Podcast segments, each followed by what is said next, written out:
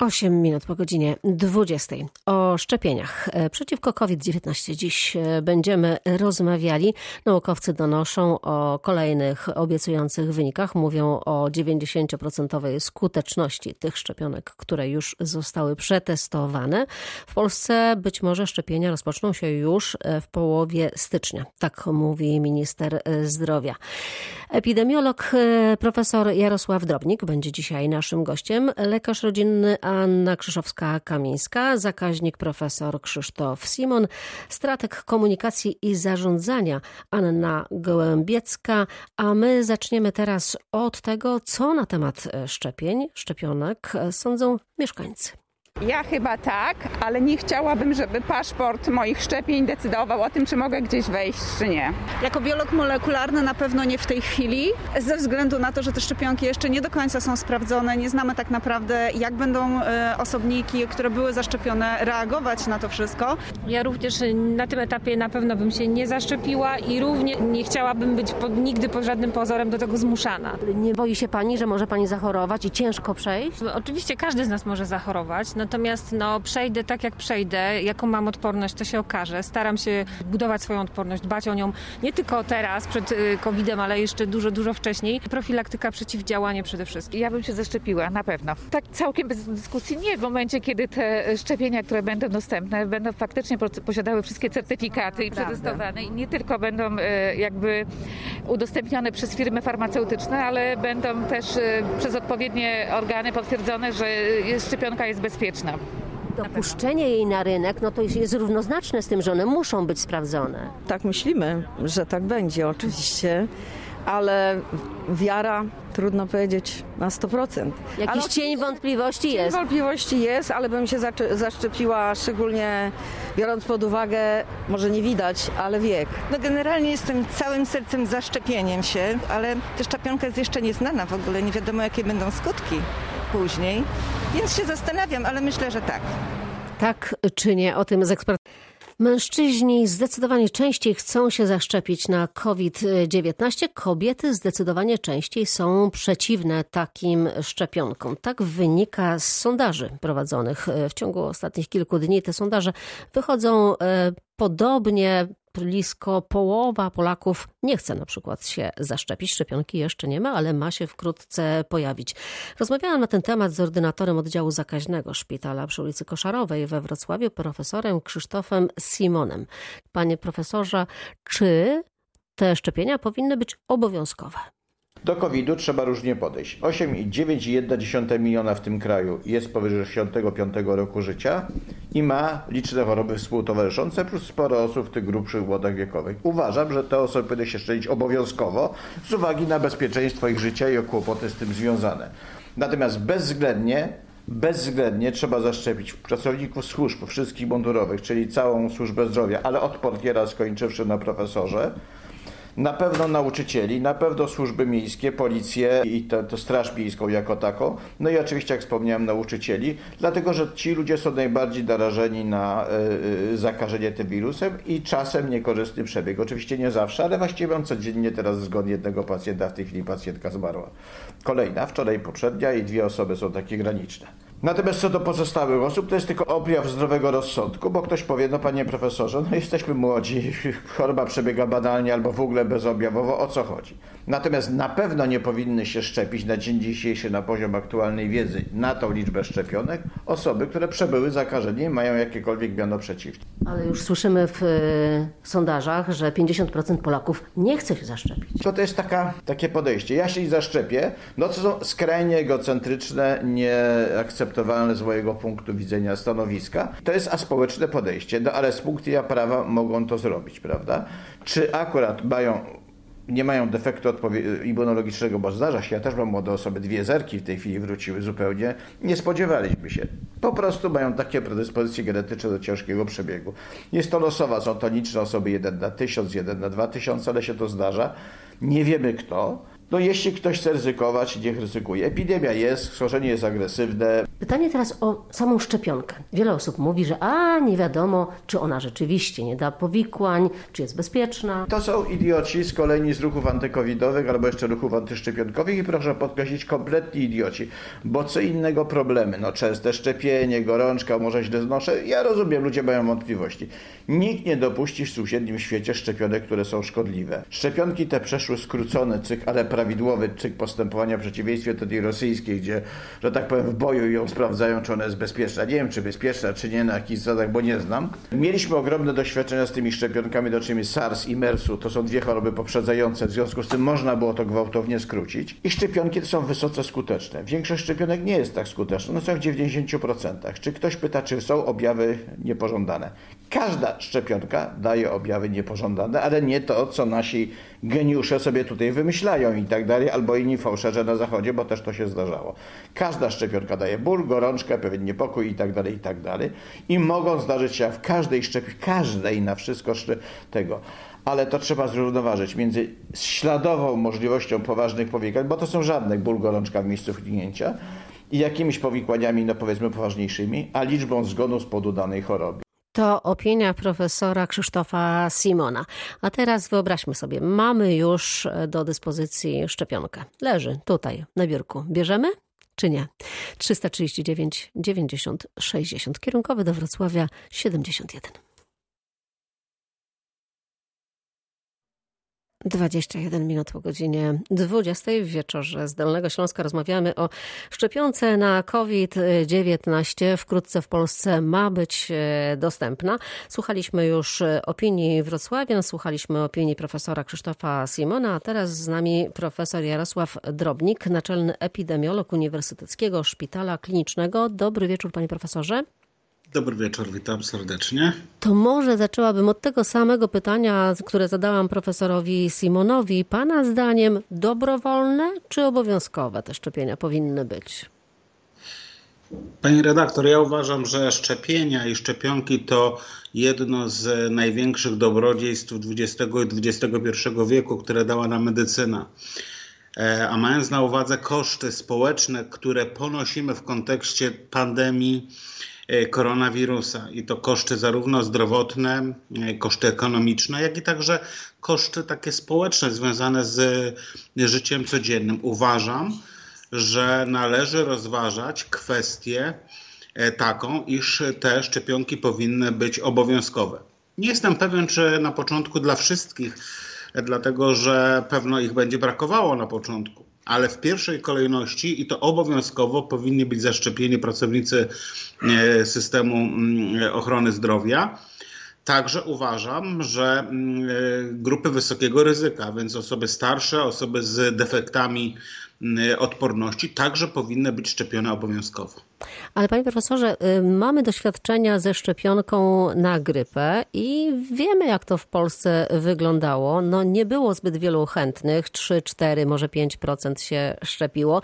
Owszem, teraz y, nastąpiło zainteresowanie tymi szczepionkami. Nie ma ich oczywiście, więc trudno się zaszczepić, ale nie spodziewa pan się, że właśnie te grupy, które miałyby być obowiązkowo zaszczepione, podniosą podniosą protest, czy też raczej właśnie będzie kolejka?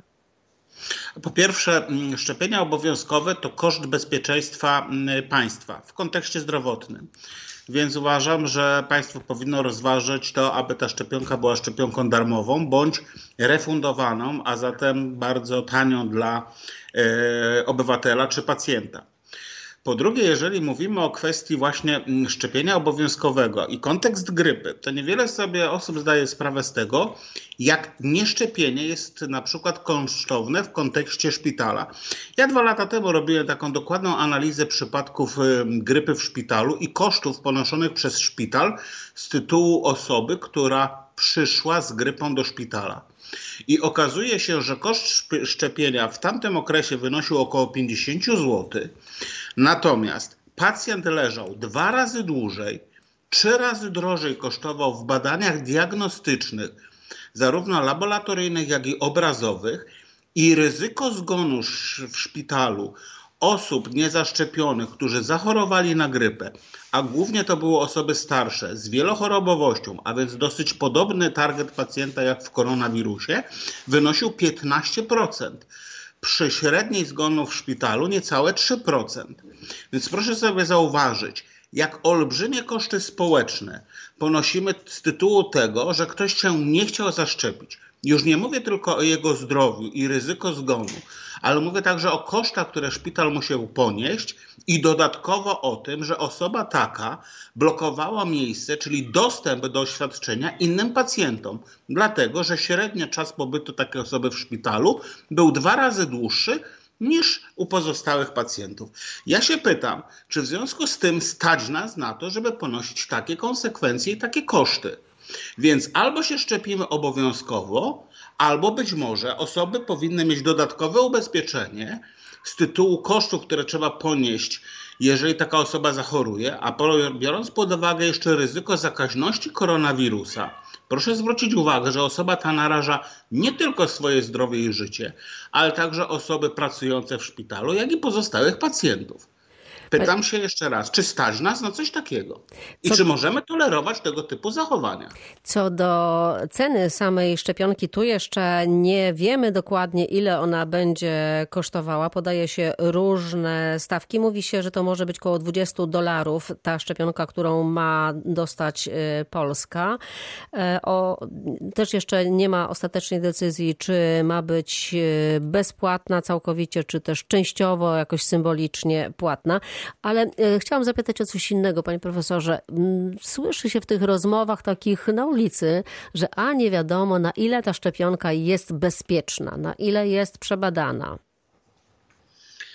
E, ja myślę, że mm, oczywiście każda rzecz, która jest nowa, zawsze może budzić troszeczkę niepokoju, ale no musi działać jakiś mechanizm zaufania. E, żaden lek, a tym bardziej żadna szczepionka nie zostanie dopuszczona do obrotu, jeżeli nie stwierdzi się, nie zbada się i nie stwierdzi się jej określonego potencjału bezpieczeństwa.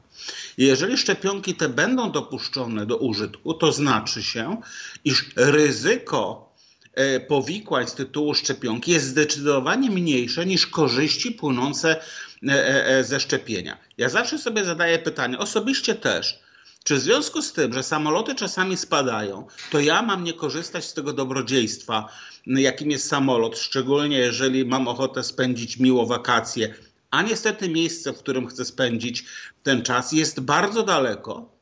No więc odpowiedzmy sobie na to pytanie. Mając z tyłu głowy zawsze lęk przed lataniem, zwykle wsiadamy do tego samolotu i podobnie jest ze szczepionkami.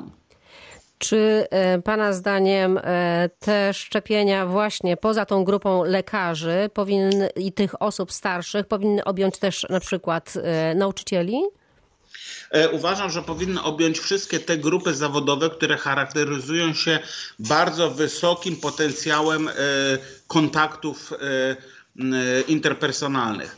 A więc na przykład nauczyciele, którzy na co dzień spotykają się z olbrzymią ilością innych osób, głównie dzieci oczywiście. E, ja czasami to porównuję do tego, że nauczyciele zwykle w ciągu jednego dnia mają więcej kontaktów z innymi osobami niż my, pracownicy w szpitalu. Więc to jest niewątpliwie taka grupa osób, która powinna być szczepiona. Myślę, że taką kolejną grupą osób powinny być osoby, które nas na co dzień obsługują w sklepach, w marketach i tak dalej. Przecież taka osoba na kasie dziennie obsługuje od kilkudziesięciu, jak sądzę, to jest minimum, czasami do kilkuset osób w ciągu zmiany. Proszę zwrócić uwagę, jedna zakażona osoba, która nam umknie, może narazić na zakażenie od kilkudziesięciu do kilkuset osób. Ile Więc osób? E, pewno są określone grupy, które w sposób szczególny powinny być traktowane i u których powinniśmy rozważyć obowiązkowe szczepienie.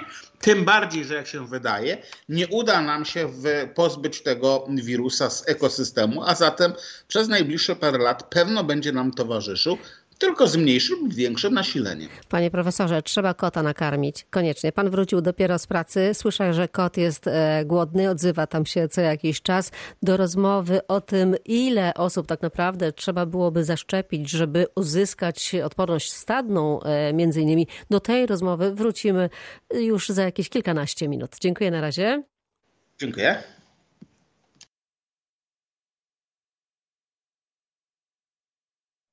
Za 27 minut będzie godzina 21 w Radiu Wrocław. Rozmawiamy o szczepionce na COVID-19. Czy się e, zaszczepimy, czy też e, nie? Czy szczepienia powinny być dobrowolne, a może obowiązkowe? Teraz naszym gościem jest pani Anna Głębicka, strateg komunikacji i zarządzania, ekspert Centrum imienia Adama Smyfa. Dobry wieczór pani. Dobry wieczór. Nasi eksperci e, mówili e, przed kilkoma minutami między innymi o tym, że rzeczywiście te grupy społeczne, takie jak lekarze, policjanci, nauczyciele, te grupy, które mają do czynienia z dużą liczbą osób, one powinny się szczepić no, obowiązkowo, może nawet obowiązkowo. Pani zdaniem? E, ja nie chciałabym tu wyrażać zdania, czy powinny się szczepić, czy nie obowiązkowo, natomiast uważam, że w współczesnym społeczeństwie osoby powinny mieć, e, e, powinny mieć świadomość, dlaczego się szczepią, jak to służy im, jak to służy społeczeństwu i podejmować taki świadomy wybór samodzielnie, który jest i pozytywny dla nich, i pozytywny dla otoczenia. Początkowo wydawało się, że jak pojawi się ta szczepionka, to wszyscy masowo hurtem ustawią się w kolejce, żeby się zaszczepić. Ale teraz już e, z sondaży wynika, że połowa Polaków mówi: A ja nie chcę, a ja się nie zgadzam. A myślę, że to jest jakby wypadkowa tego, że my mówimy, że będzie obowiązkowa, bo szczególnie na Polaków źle działa coś, co jest przymusem. Jeżeli kogoś przymuszamy, to on idzie niechętnie. Jeżeli komuś opowiadamy, dlaczego tak ma być i pozostawiamy mu decyzję, ale tłumaczymy mu, na czym polega, polega w ogóle działanie szczepionki, jakie jest ryzyko tej szczepionki, jakie jest ryzyko, jeżeli nie weźmie tej szczepionki, jeszcze ilość tych szczepionek jest ograniczona na przykład, to działa to tak jak szczepionka na grypę w tym tym roku. E, dużo więcej osób chciało się zaszczepić niż tych szczepionek było i wszyscy tych szczepionek nagle e, bardzo poszukiwali.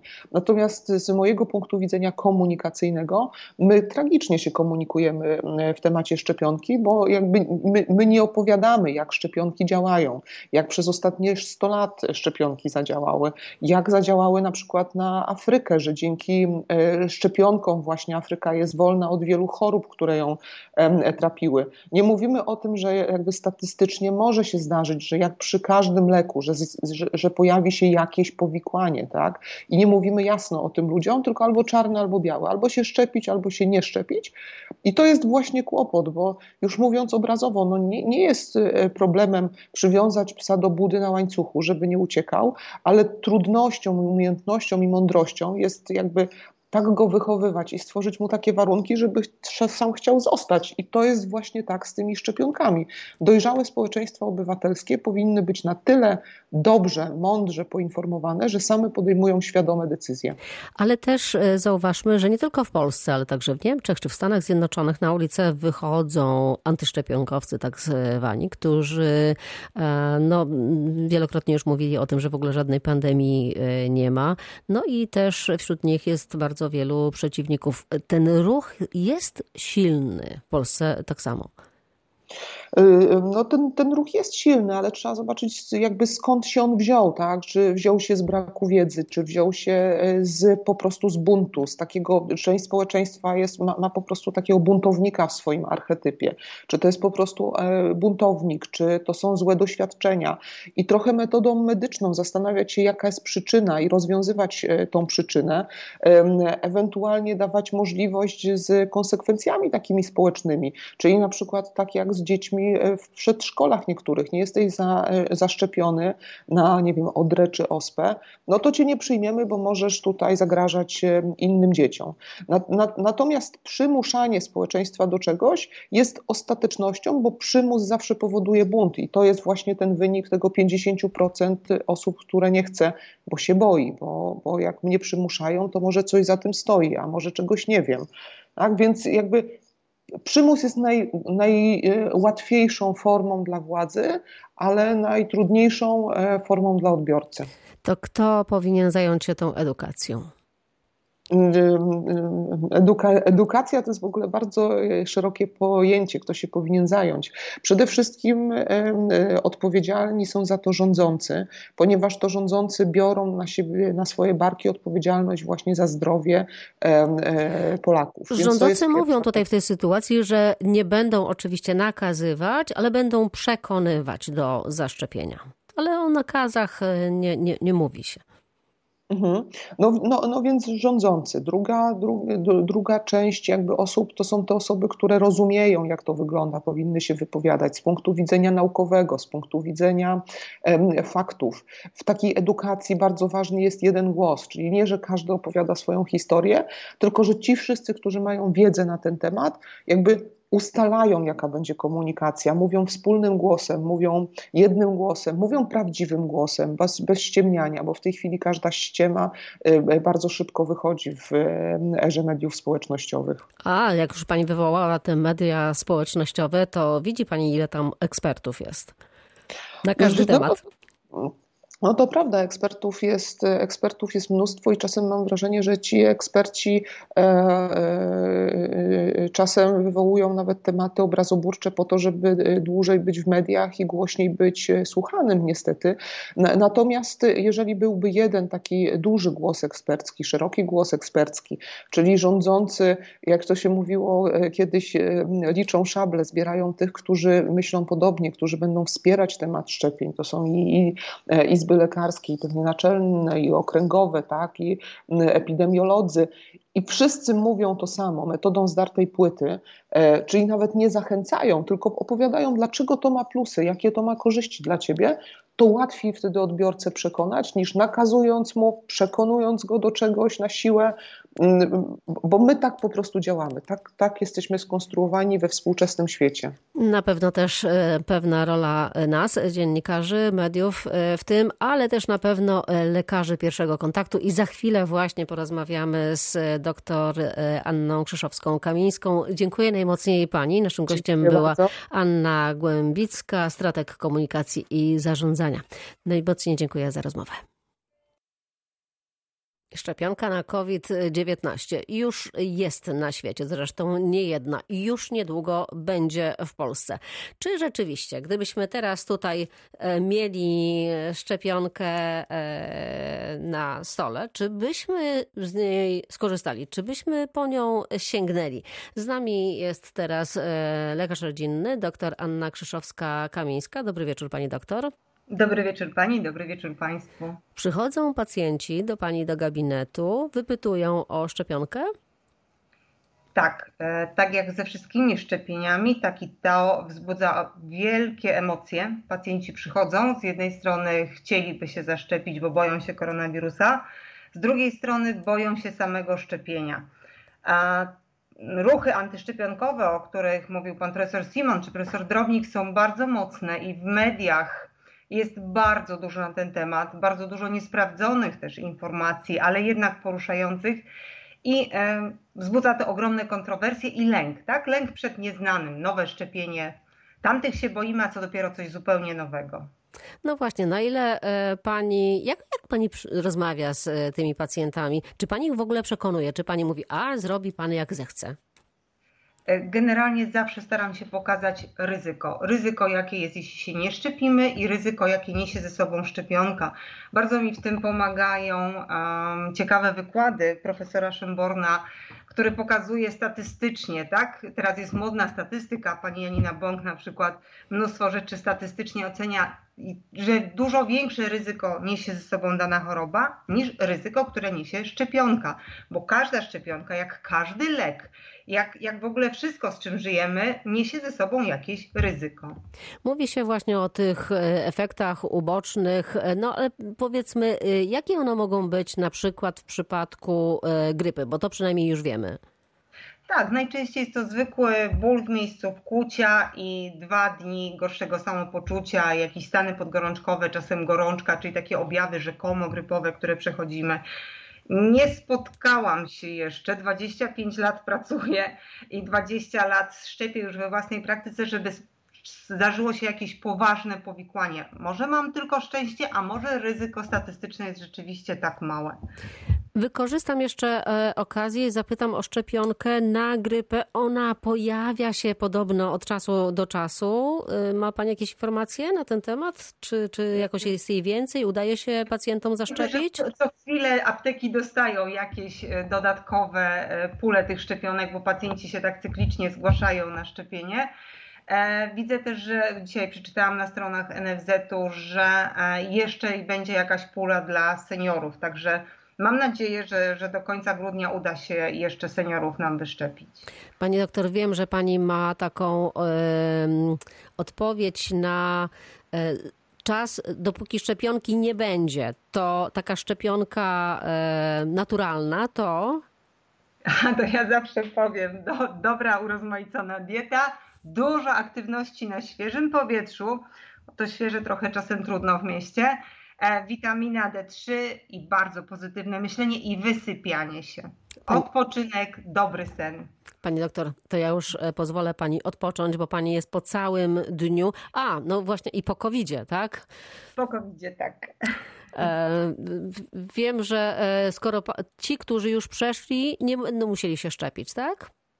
Tak powiedział pan profesor Simon. Myślę, że na ten sezon nie, bo ona na pół roku daje nam odporność. Natomiast, tak jak profesor Drobnik mówił, ten wirus już z nami zostanie i być może będzie zachowywał się tak jak grypa, więc co roku być może będzie potrzebne nowe szczepienie.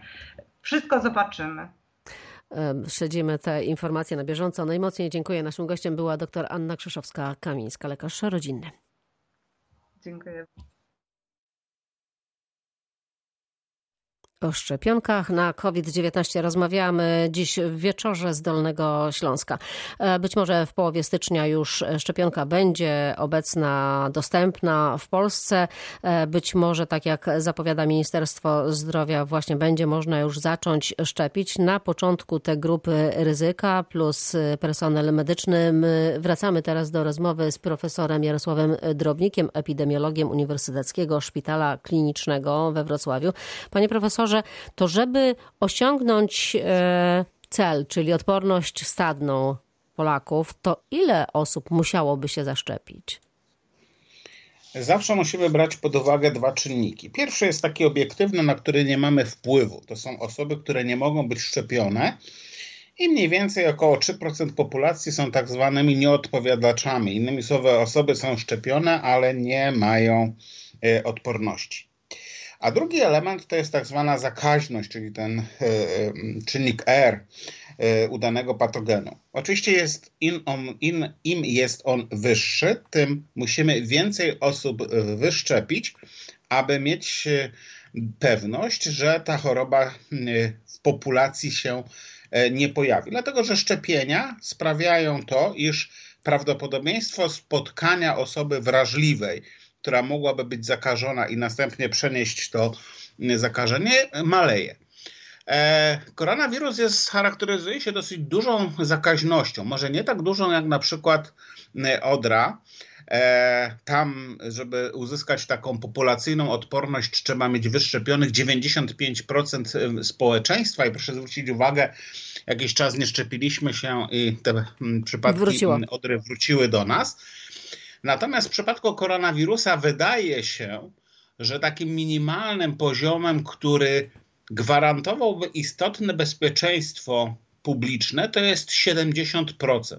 To już rzeczywiście byłoby na tyle duże wyszczepienie, iż to prawdopodobieństwo natrafienia na osobę zakażoną i to, że ona znajdzie drugą, która będzie wrażliwa, jest e, nieduże, choć oczywiście idealnie byłoby, gdyby to było 85-90%. Dobrze, panie Natomiast profesorze, takie a minimum z minimum, tak. żeby w ogóle jakikolwiek komfort nam dać, to jest co najmniej 50%. To jest w ogóle poniżej tego poziomu właściwie takie szczepienie to będzie wyrzucone mm, pieniądze, bardziej chroni nas, będzie indywidualnie, natomiast w żadnym wypadku nie stawia.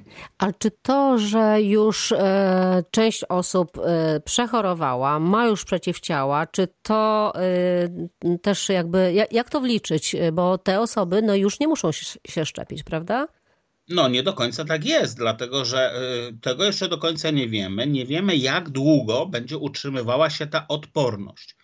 Dzisiaj wydaje się, że ta odporność po szczepieniu utrzymuje się no, prawdopodobnie te 4-6 miesięcy, ale proszę zwrócić uwagę, że nasze obserwacje są dosyć krótkie. Odporność e, na, mm, po zachorowaniu na wirusa zależy od dwóch elementów z jednej strony od swojej tak zwanej stabilności tego wirusa, innymi słowy, czy on nie mutuje w pewnych punktach krytycznych, które są istotne dla tej rozpoznawalności układu immunologicznego, e, do tego, że on rozpoznaje tego wirusa i rzeczywiście w odpowiedni sposób reaguje. A druga rzecz, bardzo ważna, to jest reaktywność układu immunologicznego. I tutaj też się okazuje, że osoby, które przeszły objawowo to zakażenie, prawdopodobnie mają więcej tych przeciwciał, a zatem mogą, ta odporność może utrzymywać się dłużej. Osoby, które przechodzą bezobjawowo, a to jest zdecydowana większość e, naszych e, pacjentów, e, ta odporność może się utrzymywać krócej. Proszę zwrócić uwagę, że w większości przypadków nie udaje się utrzymać odporności na całe życie i tam, gdzie ten wirus jednak ma większą tendencję do mutacji, Zwykle trzeba przypominać e, układowi immunologicznemu mm, e, to zdarzenie w formie szczepień i zwykle wykonuje się to co rok lub dwa lata, czasami co pięć lat, w zależności oczywiście od mm, patogenu. A czy to więc będzie tak jak... Nie jesteśmy w stanie powiedzieć, jak długo będzie utrzymywała się ta odporność, więc raczej należy przyjąć, że prawdopodobnie będzie to cykliczne szczepienie, Dzisiaj chyba przyjmujemy, że będzie co roku, choć życie może to zweryfikować. E, tutaj też pojawiły się wśród rozmówców moich e, wrocławian, z którymi rozmawiałam, takie obawy, że nikt nie wie, jaka ta szczepionka jest i jakie będą odległe skutki, bo dzisiaj nikt tego nie może powiedzieć tak naprawdę.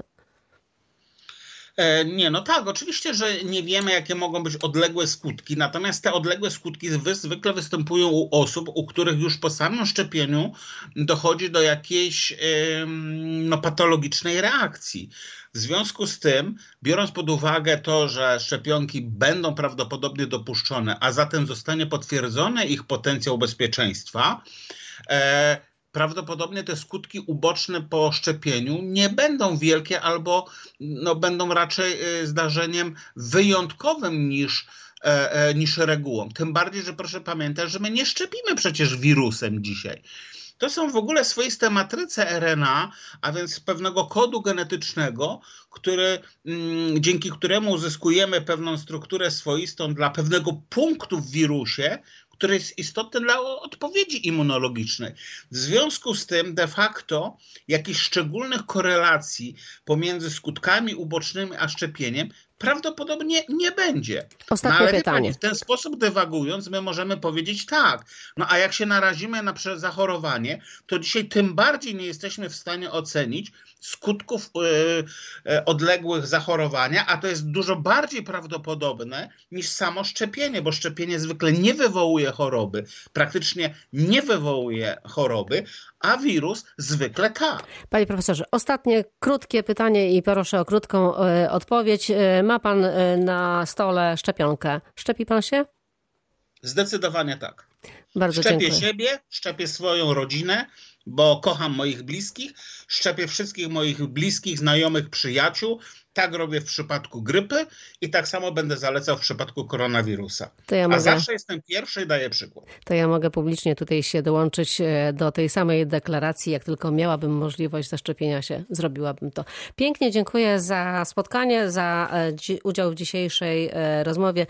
Profesor Jarosław Drobnik, epidemiolog Uniwersyteckiego Szpitala Klinicznego, był naszym gościem.